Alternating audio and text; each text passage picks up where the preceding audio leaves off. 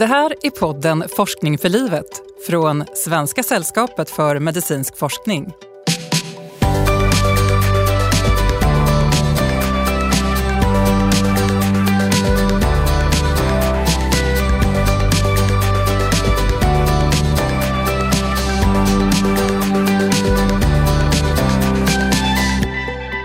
Sara Mangsbo är i vanliga fall inriktad på att få fram nya cancerbehandlingar. Men det senaste året har hon ägnat mycket tid åt coronaforskningen. För det hon kan visade sig vara värdefullt i kampen mot covid-19. Hon ska berätta om hur hon ändrade sitt fokus under pandemin och i och med det hamnade i det mediala rampljuset. För det är många som är nyfikna på hennes kunskaper om hur immunsystem och antikroppstester funkar.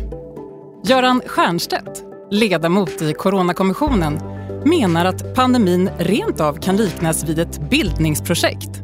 Och han ska få förklara hur vi kan dra nytta av det här som vi lärt oss. Och så ska vi prata om varför det är värt att satsa på forskning som vi faktiskt inte vet vad den ska användas till. Och lista några vetenskapliga upptäckter som fått just oväntad nytta. Jag som leder podden heter Anna-Karin Andersson och är kommunikatör på Svenska sällskapet för medicinsk forskning och jag hälsar dig som lyssnar varmt välkommen. Och varmt välkommen säger jag också till dig nu, Sara Mangsbo. Tack så jättemycket. Du är immunolog vid Uppsala universitet och är främst inriktad på cancerbehandlingar. Eh, du har varit delaktig i utvecklingen av att försöka bekämpa cancersjukdomar och få bort tumörer genom att stärka kroppens eget immunförsvar istället för att använda cellgifter. Och du har fått finansiering för din forskning från Svenska sällskapet för medicinsk forskning. Kul att ha med dig här. Tack. Vi ska få höra hur ditt kunnande kommit till nytta nu under pandemin, men jag tänkte vi skulle börja med att blicka lite bakåt. Hur, hur gick dina tankar när du hörde talas om att ett nytt virus spred sig över världen? Eh, men det var ju i början en osäkerhet om det skulle spridas eh, och eh, det var jag inte alls säker på. Men eh, när man såg att det började spridas i Italien och, och man kände att eh, personer som man kände till som bodde utomlands, eh, man visste inte om de skulle hinna hem eller inte, då kände man ju att okej, okay, det här påverkar mig och hur jag känner och att jag faktiskt hade en oro över att vi skulle få en påverkan på vårt liv. När slog det dig att dina egna eh, kunskaper som immunolog kunde vara användbara i, i forskningen kring det här nya coronaviruset? Det blev ju ganska snabbt ett stort intresse kring eh, antikroppstester och det var väl det som först hände att jag fick frågan om att förklara hur de fungerade och även förklara varför man mäter antikroppar på ett visst sätt mot ett visst protein eh, och olika typer av antikroppstester och, och varför det spelar roll för det svaret man kan mäta till exempel. För du är som sagt eh, framförallt inriktad på cancerbehandlingar och sen så eh, dyker ett nytt virus upp. Hur, hur, hur ställde du om så att säga, i ditt jobb som forskare? Ja, dels, så den snabbaste omställningen handlade egentligen om hur vi undervisade och gick online.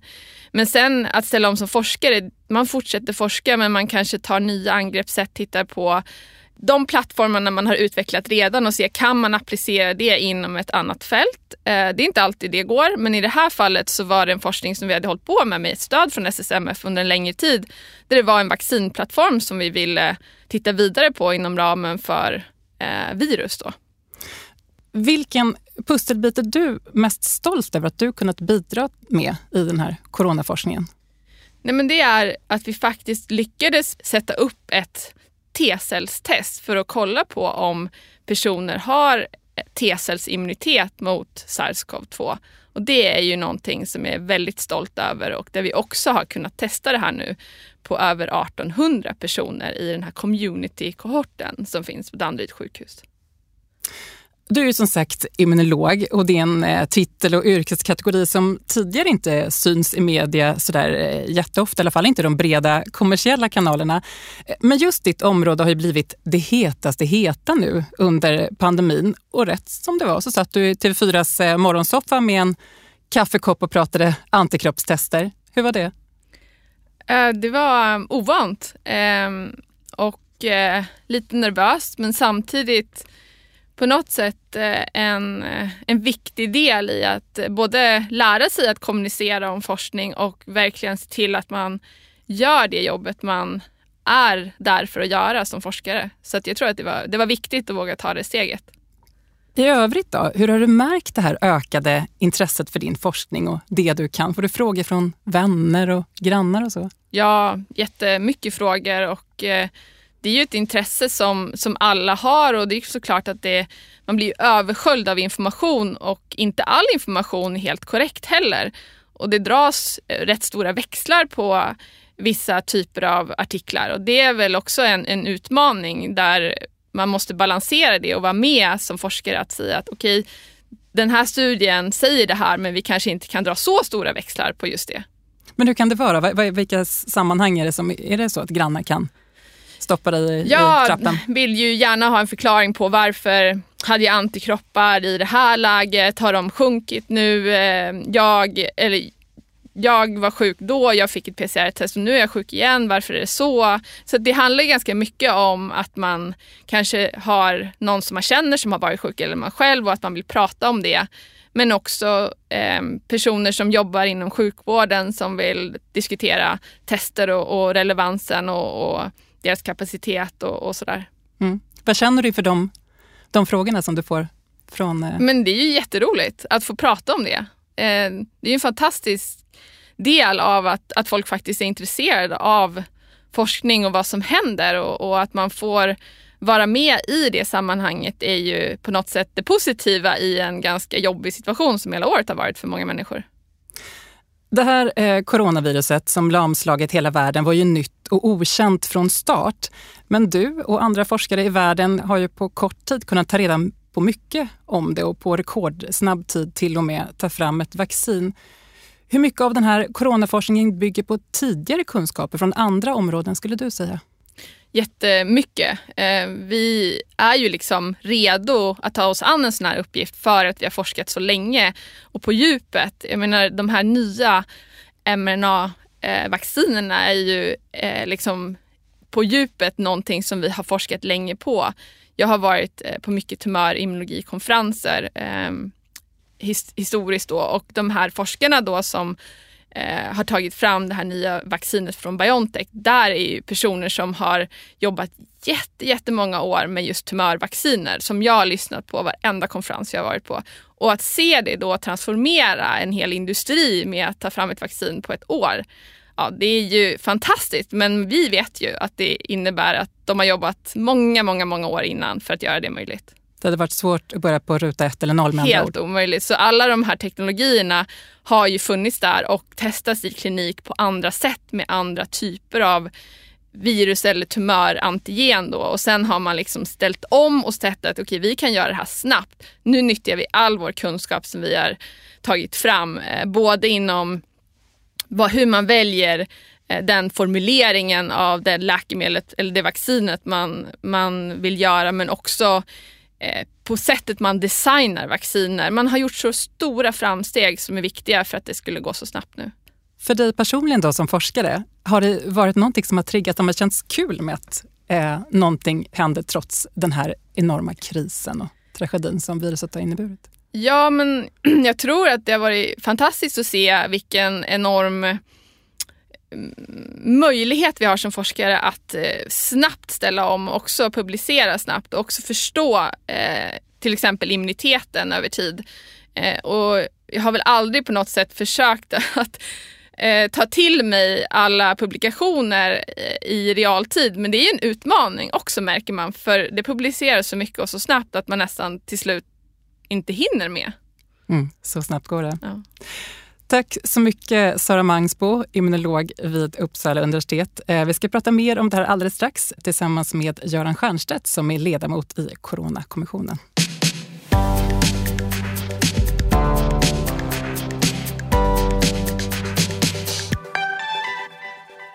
Under sommaren 2020 tillsatte regeringen en kommission som fick i uppdrag att utvärdera de åtgärder som vidtagits för att begränsa spridningen av viruset som orsakar sjukdomen covid-19. En av ledamöterna i den coronakommissionen är Göran Stiernstedt som är med oss här. Varmt välkommen till podden Forskning för livet. Tack. Göran Stiernstedt, du har en lång rad eh, titlar. Infektionsläkare och docent i grunden och har på senare år bland annat eh, uppdrag som statlig utredare. Och du är också styrelseordförande för flera sjukhus i Stockholm och dessutom ordförande för Karolinska institutets styrelse. Om vi börjar med att kort förklara det här med Coronakommissionen. Vad är syftet med den? Jag brukar säga att syftet är väl att vi ska vara bättre förberedda och klara nästa pandemi bättre. Så att jag ser väldigt mycket av ett eh, lärande i eh, eh uppgiften. Men det handlar ju om att utvärdera eh, de åtgärder vi har vidtagit. Och Det finns många intressanta aspekter av det uppdraget. Här ska vi uppehålla oss vid forskningens eh, betydelse. För du menar att det är just forskningen som kommer att ta oss ur den här krisen. Eh, hur menar du då? På vilket sätt? Absolut. Det mest påtagliga är väl just nu när vi diskuterar vacciner och eh, vi ser ju hur vi liksom bara bubblar och vill ha mer och mer vacciner fortare och fortare. Eh, vi hade ju inte varit där vi är idag, precis eh, som sagts tidigare. Det är ju forskningen som fört oss dit på rekordtid. Men det är också andra saker. Alltså vi har ju faktiskt tack vare forskningen fantastisk diagnostik, även om vi där ibland också skriker efter mera. Det vill säga det är Eh, en modern diagnostik som kan massproduceras, eh, eh, för att ta ett exempel. Och Det är forskningen som eh, gäller även sådana saker som kanske inte upplevs som riktigt medicinska på samma sätt. Det vill säga hur smitta sprids är ett exempel. Och hur vi ska behandla sjukdomen är andra exempel. Vad inom den medicinska forskningen har, har imponerat mest på dig under pandemin? Jag tror att det är eh, snabbheten, alltså just eh, hur fort eh, vaccinet har kommit fram. Men också den globala samverkan, alltså hur vi snabbt transporterar nya fynd över jordklotet. Och också hur snabbt vi faktiskt lyckas adaptera dem i vården av patienten. Jag menar, I vanliga fall så tror jag många känner en frustration över att nya forskningsfynd tar enormt lång tid att eh, eh, verkligen implementera i verksamheten. Och här har det, går det i många fall på rekordtid. Och det är någonting att ta med sig för fortsättningen. Mm. Även eh, jag och andra som inte själva har forskarbakgrund har lärt oss mycket om virus och immunsystem under den här pandemin. Eh, jag kommer ihåg eh, en kompis till mig som eh, forskade för ett par år sedan. Och hon gjorde det inom epidemiologi. Och jag kommer ihåg att jag, jag sa det så där långsamt för att jag inte var bekant med ordet och området på den tiden. Och idag så har jag en åttaårig dotter som vet att vi har en statsepidemiolog. Man leker coronakull på fritids och man är väldigt duktig på att rita virus. Väldigt så fint. Mm. Göran Stiernstedt, hur har du märkt av det här intresset och den ökade kunskapen om virus och forskning i samhället? Jag tycker det har varit fantastiskt. Plötsligt så hör man ju PCR, det vill säga den teknik som vi använder oftast för att akut diagnostisera sjukdom, nämnas på gatan. Antikroppar vet folk plötsligt eh, vad det är. Ibland kan de till och med skilja på olika typer av, av eh, antikroppar. Eh, och, så jag har sett det nästan som liksom medvetande, kunskaperna inom det här området har, har ju ökat på ett fantastiskt eh, sätt. Och det tror jag vi ska ta tillvara på. Mm. Ja, för du har kallat det till och med för ett bildningsprojekt. Ja. ja. Mm. Vad ska vi, hur ska vi kunna dra nytta av, av det här som vi lärt oss då? Ja, vi, vi, drar nytta av det på det sättet att eh, alltså förr eller senare är vi ju alla patienter och jag menar, det här är infektionssjukdomar. Vi har alla infektionssjukdomar och eh, hur de sprids och hur de diagnostiseras och eh, hur vi kan hindra oss från att bli sjuka är, är ju kunskaper som vi absolut ska ta med och de möjligheterna ökar ju enormt tack vare den om jag får nu uttrycka, använda det ordet som du sa, den här bildningsverksamheten som hela den här pandemin Eh, har inneburit. Och det tror jag kan komma sjukvården till nytta i framtiden. Vi hörde tidigare Sara Mangsbo berätta hur hennes kunskaper kommit till nytta i coronaforskningen trots att hon egentligen främst arbetar med cancerbehandlingar. Och det här med att forskning kan få oväntad betydelse, det ska vi prata mer om nu.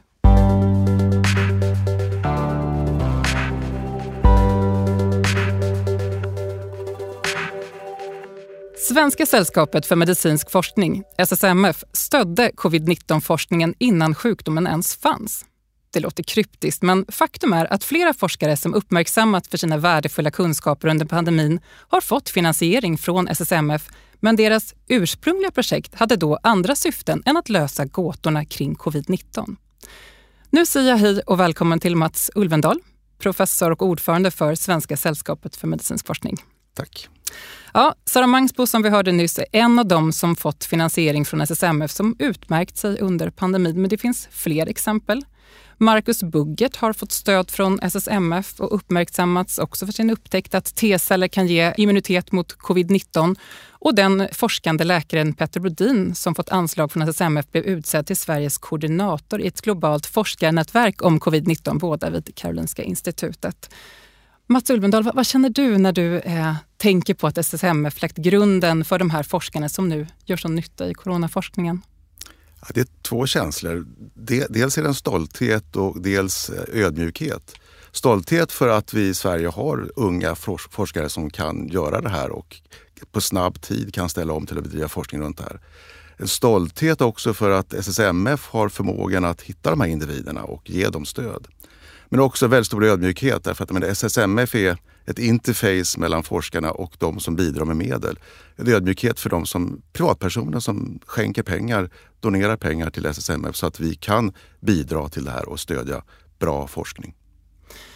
SSMF värnar om det som kallas fri forskning. Um, vad betyder fri forskning? Fri forskning är ett begrepp som används väldigt ofta och i väldigt många olika sammanhang.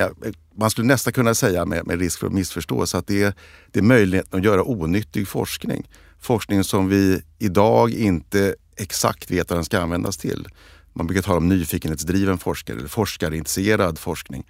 Och det är en väldigt viktig del där man inte från början säger att det här ska vi lära oss mer om, eller det här ska leda till det, det behöver inte bli nyttigt eller kommersialiseras på olika sätt. Utan helt fritt. Det här är faktiskt någonting som är skyddat i högskolelagen. Där, där står att man ska fritt kunna välja de problem man vill adressera. Samtidigt är det ju då så att eh, forskning kan man inte bedriva utan att ha ekonomiska resurser. Det krävs medel, resurser för att bedriva det. Och där är ju SMF en väldigt viktig del därför att vi har ingen inriktning på den forskning vi stöder. Vi kräver inte att det ska vara inom ett visst område utan vi stöder allting. Och vi möjliggör därför för forskare att bedriva fri forskning. Men det kan ju låta märkligt att satsa på forskning som man faktiskt inte vet vad den ska användas till. Man kan förstå att det är en lockande tanke att istället låta pengarna gå till sånt som löser specifika medicinska utmaningar. Vad skulle vi kunna gå miste om utan den här fria forskningen? Först vill jag säga att båda behövs. Jag menar, det är vissa områden som vi behöver adressera med riktade, eh, riktad forskning. Men den fria forskningen gör ju att vi får kunskaper om saker som vi inte ens vet att vi behöver kunskap om. Det, det, de problem vi ser idag, de är ju nästan för sent att adressera. De skulle vi ha gjort igår. Så när vi bedriver forskning idag, och det är där fria forskning kommer in, att vi skapar ett underlag, ett kunskapsunderlag för att ta hand om de utmaningar som vi har imorgon och i övermorgon. Så vi, vi måste helt enkelt vara öka hela tiden vårt kunskapsläge och det gör vi. Det kan vi inte veta inom vilka områden det kommer att behövas. Och du menar att den här pandemin har aktualiserat behovet av fri forskning? Hur då? Absolut, och det gör det hela tiden. Men jag tror att pandemin har verkligen visat att det hade behövts ännu mer fri forskning tidigare för att vi skulle veta mer om hur vi adresserar problemen idag. Göran Stiernstedt, hur ser du på betydelsen av fri forskning? Enormt stor betydelse. Frihet skapar engagemang och innovationskraft. Det är ungefär som med styrning i sjukvården också. Allt för hård styrning och detaljer och så vidare minskar engagemanget. Och hur tänker du kring eh, pandemin och den fria forskningen? Håller du med Mats Ulvendal om att eh, det här har stärkt behovet av den fria forskningen? Absolut, för det är ju typiskt den här typen av situationer så ökar ju automatiskt frihetsgraden. Det ser man väldigt tydligt. Och, och så att jag tycker det blir ett bevis på betydelsen av eh, fri forskning. Det har ju varit fantastiskt att se engagemanget. Det finns eh, många exempel på forskningsresultat som till en början betraktats som nästintill oanvändbara men som senare fått central betydelse. Och jag tänkte att vi skulle avsluta det här poddavsnittet med att lista några sådana fynd. De här är hämtade ur skriften Den oväntade nyttan från Kungliga Vetenskapsakademin. Penicillin att bakteriologen Fleming inte kastade bort sin förstörda bakterieodling som hade möglat utan istället insåg att han var något intressant på spåret är ett av de mest välkända exemplen på slumpmässiga fynd som varit till stor nytta för mänskligheten. Det gav oss penicillin som ofta rankas som förra århundradets viktigaste upptäckt. Modern bioteknik Forskning om värmetåliga bakterier bedrevs helt utan tanke på att den på sikt skulle bli livsviktig och skapa miljardinkomster för bioteknikindustrin. Men så blev det. Den la grunden för att gener kopplade till cancer går att identifiera, att växter kan modifieras för att producera användbara ämnen och för att få fram DNA-spår som kan binda gärningsmän till en brottsplats. Magnetkameror de bygger på något som från början var en irriterande störning i forskning om atomkärnor. Men det där problemet visade sig bli ett verktyg som ger tredimensionella bilder av våra organ och hjälper läkare att snabbt och utan ingrepp avgöra om du är sjuk. Mats Ulvendal och Göran Stiernstedt, vad har ni själva för favoriter när det gäller slumpmässiga forskarfynd? Det finns ju flera, men jag tänkte ta ett exempel som kopplar an till den situation vi befinner oss i nu när alla talar vaccin. Och det var Edward Jenner som i eh, slutet på 1700-talet gjorde observationen eller hörde talas om att hade man haft eh, kokoppor så fick man inte smittkoppor. Och där kopplade han samman till att det här kan ju vara någonting som, som kan leda till en behandling. Men sen dröjde det tror jag, 20 år innan han vågade testa det och då gav han ett litet barn smitta från kokoppor och barnet blev sjuk eh, och sen frisk.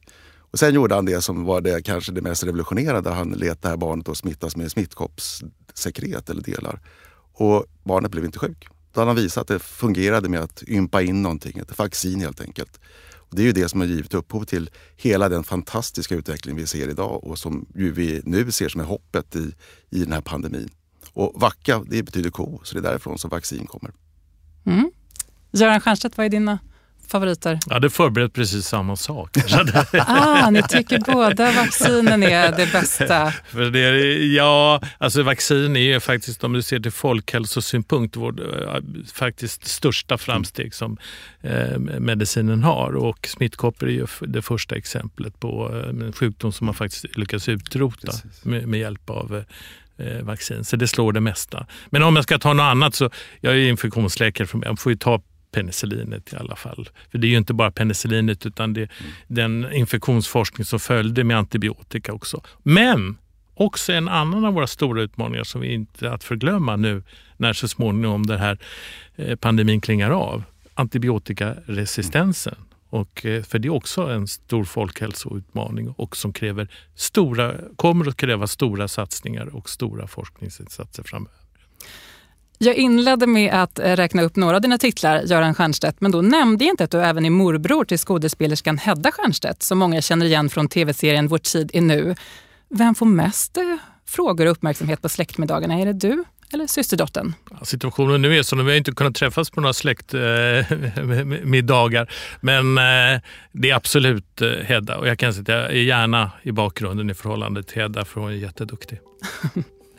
Tack Göran Stiernstedt, ledamot i Coronakommissionen för att du gästade vår podd. Stort tack. Och tack säger även till Mats Ulvendal, ordförande för Svenska sällskapet för medicinsk forskning. Tack så mycket. Och jag säger även tack till dig som lyssnat. Hej för nu och på återhörande.